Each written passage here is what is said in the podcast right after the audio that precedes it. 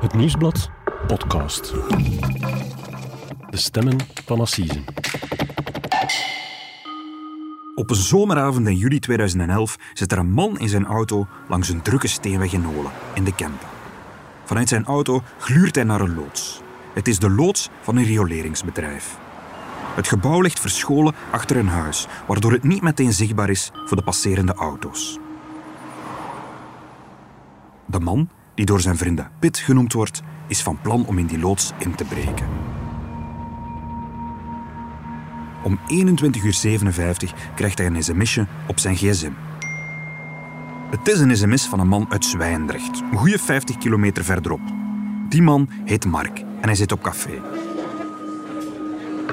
Hij hangt die avond niet louter voor zijn plezier aan de bar. Hij zit daar met een missie. Hij moet twee mensen in dat café in de gaten houden voor Pit. Het zijn de eigenaar van de bewuste loods en zijn vrouw. Zij wonen in het huis naast de loods, maar ze zijn dus nu niet thuis. Zeg, eh, Piet, de kust is vrij. Die kerel van de loods waar dat jij een kraak gaat doen, die zit hier. En eh, zijn vrouw ook. Als je straks die dingen gepakt hebt, zet ze niet bij je thuis, hè. Veel te gevaarlijk. Direct wegzetten. Pit stuurt een kort bericht terug. Oké. Dit is het signaal waar Pit op gewacht heeft. Hij stapt uit zijn auto en wandelt te voet over de lange oprijlaan naar de loods. Hij kent de loods, want hij heeft er nog gewerkt. Hij weet wat voor waardevolle zaken hier allemaal voor het grijpen liggen. Maar plots stopt hij. De situatie is veranderd. Helemaal veranderd. Rond de loods staat nu plots een groot, hoog hek. Pit aarzelt en probeert dan met zijn materiaal om een gat in de omheining te maken. Hij probeert om de draad om te plooien, maar dat lukt niet. Hij probeert het nog even verderop, maar hij moet het dan opgeven. De omheining is te hoog. Om 23.47 uur krijgt Pit opnieuw een sms van Mark. En? Is het proper gegaan? kan het niet zeggen. Er waren veranderingen. Hoezo? Wat dan? Het was te moeilijk. Het is daar een versterkt fort. De kraak is mislukt. Pit moet zonder buit terug naar huis. Het zou een banale, mislukte inbraakpoging gebleven zijn die waarschijnlijk niet eens de krant zou gehaald hebben. Laat staan een podcast. Maar toch is het uitgerekend door die ene mislukte inbraak dat jaren later een van de grootste misdaaddossiers in jaren boven water zou komen. En waardoor Vlaanderen kennis zou maken met een nieuwe seriedoder. Mijn naam is Cedric Lagast, misdaadjournalist bij het Nieuwsblad. En ik ben Pieter Huibrechts, journalist bij diezelfde krant. En dit is een vijfdelige reeks van onze podcast De Stemmen van Assise. Een special over een Vlaamse seriemoordenaar die bekende dat hij vier vrouwen om het leven bracht. De glazenwasser van Deurne.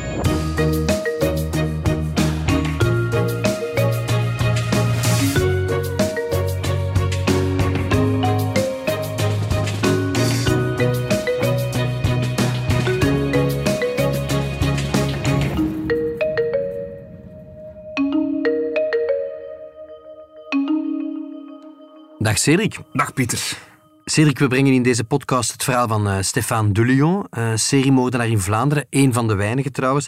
Een man wiens proces nu begint in Antwerpen en waar we de komende weken heel veel over gaan schrijven. Wat het meest fascinerende is, het heeft geen haar gescheeld of Delion was nooit ontmaskerd. Dat klopt. Dullion is een man uh, die bekend heeft dat hij uh, vier vrouwen om het leven heeft gebracht. Minstens vier vrouwen, moeten we dus zeggen. Is heel lang onder de radar gebleven. Zo lang zelfs dat je kan zeggen dat hij er bijna mee was weggekomen. Maar uiteindelijk hebben ze hem toch ontmaskerd. En dat komt omdat een aantal verhalen, een aantal omstandigheden op een bepaald moment toch samenkomen.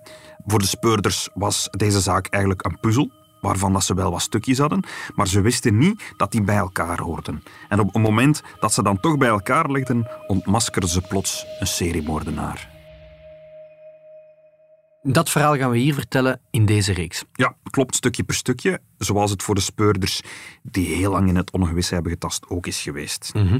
Laten we beginnen bij stukje 1. En dat ligt in een rioleringsbedrijf in Olen. Bij een mislukte inbraak in 2011. Wel, het begint eigenlijk de dag na de inbraak. Zandernachts stapt de eigenaar van dat bedrijf uh, naar de politie. Want hij heeft gemerkt dat er schade is aan de omheining rond zijn loods. En hij begrijpt natuurlijk wat er gebeurd is. Hè. Hij begrijpt, iemand heeft proberen in te breken en dankzij de veiligheidsmaatregelen dat ik hier getroffen heb, uh, is dat mislukt. En hij vermoedt zelfs eigenlijk dat die, dat die uh, inbreker opgeschrikt is geweest door een werknemer, dat het daarom mislukt is. Maar bon, dat blijkt niet te kloppen. Maar hij stapt naar de politie, uh, want hij vreest, anders gaan er hier nog inbraken gebeuren. En uh, ja, hij doet aangifte.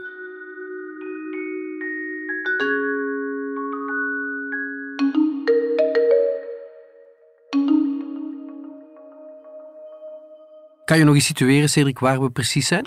We zijn in Olen, een dorp in de Kempen. Het, het bedrijf ligt uh, een beetje buiten de dorpskern, midden de velden eigenlijk. Ik heb die eigenaar in der tijd opgezocht, maar hij wil daar liever eigenlijk niet meer over uitweiden, over wat er in der tijd allemaal gebeurd is. Maar hij zegt wel dat er in die periode vier keer bij hem is ingebroken. En daarom ook wordt het bedrijf zo streng bewaakt. Een mislukte inbraak zonder getuigen, zonder sporen, klinkt als een onmogelijke zaak voor de politie. Ja, maar dit keer niet, want dit keer weet de politie al wat er gebeurd is, nog voor die eigenaar in hun kantoor staat. En dat heeft alles te maken met een groot onderzoek dat die zomer eigenlijk aan de andere kant van de provincie is opgestart. In Antwerpen, in de haven eigenlijk. Daar is de politie met een groot drugsonderzoek bezig. Dus niet specifiek rond inbraak? Nee, nee, nee. Ze zijn een bende op het spoor die ze ervan verdenken om uh, grote ladingen cocaïne uit de containers van de haven te halen.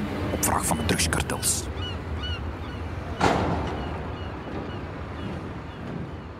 Klinkt als uh, iets waar wij al maanden en jaren over schrijven. Hè. Uh, hoeveel, hoeveel, podcasts hebben we niet al gewijd? Denk ik aan, aan drugs in de haven, Cedric. Hè. Onder meer de kraak van Sky ICC. Of recent nog, hè, de dood van de arme Firdaus, het 11-jarig meisje in Merksem. Ja. Dat is neergeschoten door een nou, nog altijd onbekende drugsbende. Er was recent nog een veroordeling ook van, uh, van een bende die havenarbeiders had bedreigd. Ja, uh, wel, dat probleem is al tien jaar bezig. En toen ook was het eigenlijk een bende havenarbeiders, een groep havenarbeiders die zijn de gaten hielden. Het was eigenlijk een bende rond een leider, een dan 52-jarige dokwerker die op K730 in de Antwerpse haven werkte. Is een markeerder.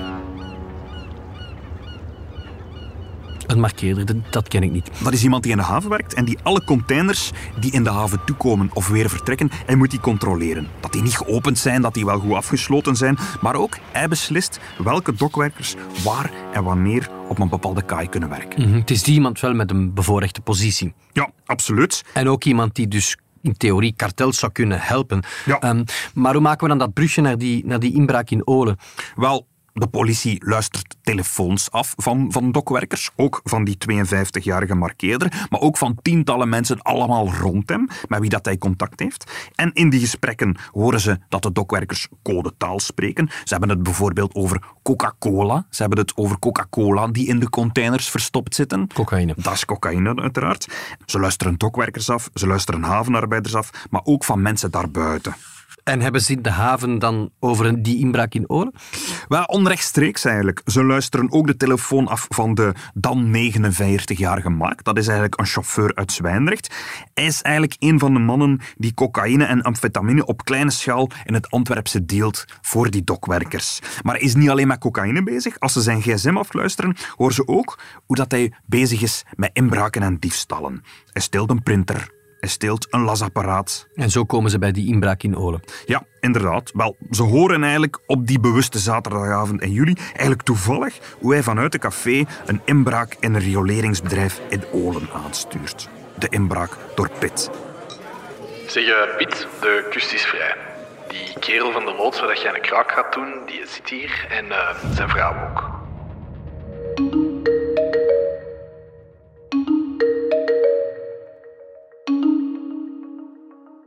Dus Cedric, ik probeer het te begrijpen. Even samenvatten. Die mislukte inbraak in Olen, die gebeurt op 30 juli 2011, Ja. volle zomer.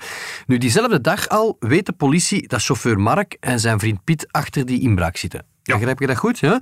En zonder het te beseffen is dus die inbreker die avond betrokken geraakt bij een grootschalig drugsonderzoek dat al maanden loopt. Ja, absoluut. En ik weet zelfs eigenlijk niet of dat hij op de hoogte was van heel dat plan om in de haven cocaïne eruit te halen. hè. Ik denk zelfs niet dat hij bij die bende betrokken was. Dat is onduidelijk. Maar bon, zo loopt hij wel in het oog van politie, van parket.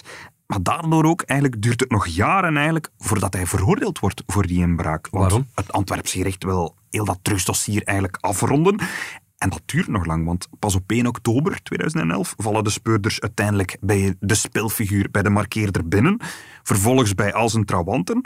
En het, het, duurt nog drie jaar voordat er uiteindelijk 23 mannen en vrouwen voor de rechter staan in dat grote drugsonderzoek. En de, de 52-jarige dokwerker die krijgt uiteindelijk een straf van acht jaar opsluiting. Mm Dus dat groot drugsonderzoek was de prioriteit van de speurders en die Ja. inbraak, dat is eigenlijk een zijdossier, dat komt pas veel later aan bod. Ja, absoluut. Want Pitt, de inbreker die toevallig tegen de lamp is gelopen, is zelf op dat grote proces afwezig. Hij is er niet bij. Hij wordt bij verstek veroordeeld. Het is pas op 27 mei 2015 dat hij uiteindelijk verzet aantekent tegen die veroordeling, dat hij een nieuw proces vraagt. En dan komt hij wel opdagen en hij probeert nog... Ik heb er niet ingebroken, hè. Het is mislukt. Het is bij een plan gebleven. En ik had enkel maar een plan om in te breken, omdat ik nog een eitje te pellen had met mijn vroegere baas. Hij suggereert eigenlijk dat hij niet goed betaald is, dat dat ontslag Want niet goed geregeld is. gewerkt. Ja, maar er is geen inbraak gebeurd, zegt ook zijn advocaat. Maar de rechter, die plooit niet, die vindt dat de inbraakpoging bewezen is.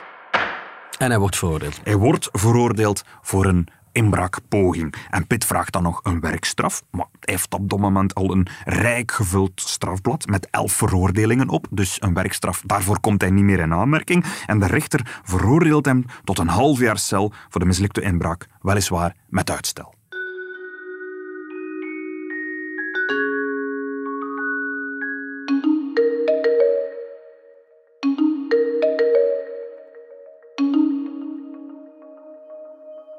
Cedric, zes maanden cel met uitstel, dat is al bij al, denk ik, een, een vrij lichte straf voor zo'n eh, zware inbraakpoging.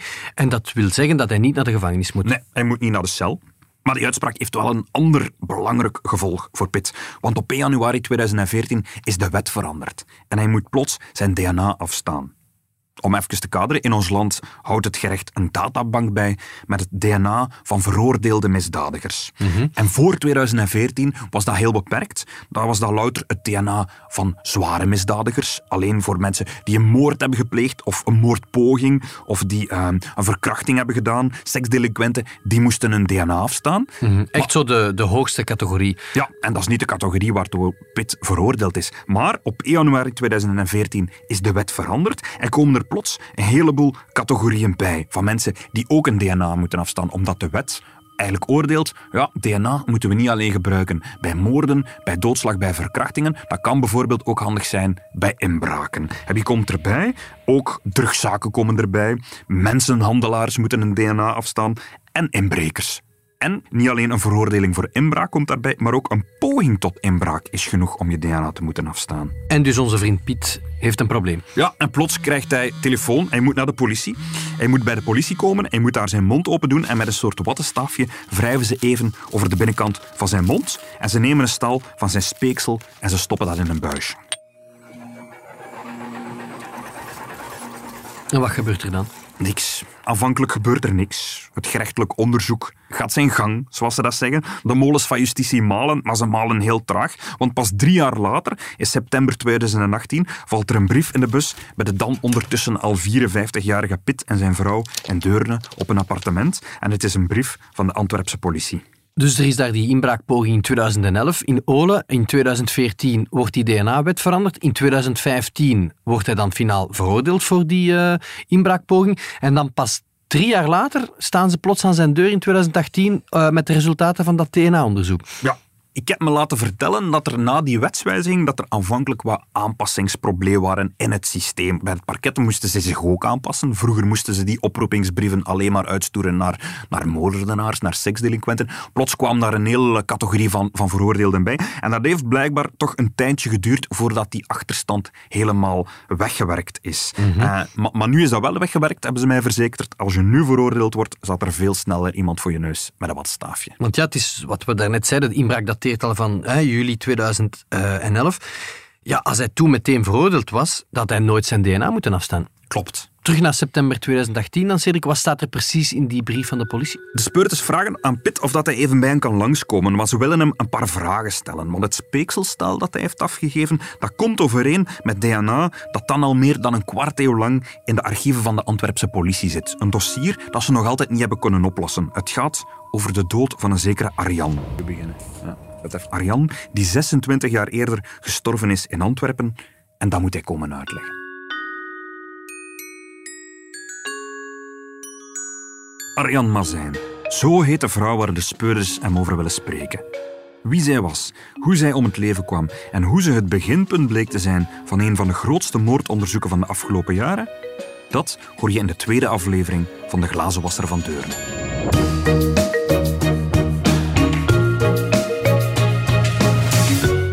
Dit was De Stemmen van Assise, een podcast van het Nieuwsblad. De stemmen waren van Pieter Huibrechts en van mezelf, Cedric Lagast.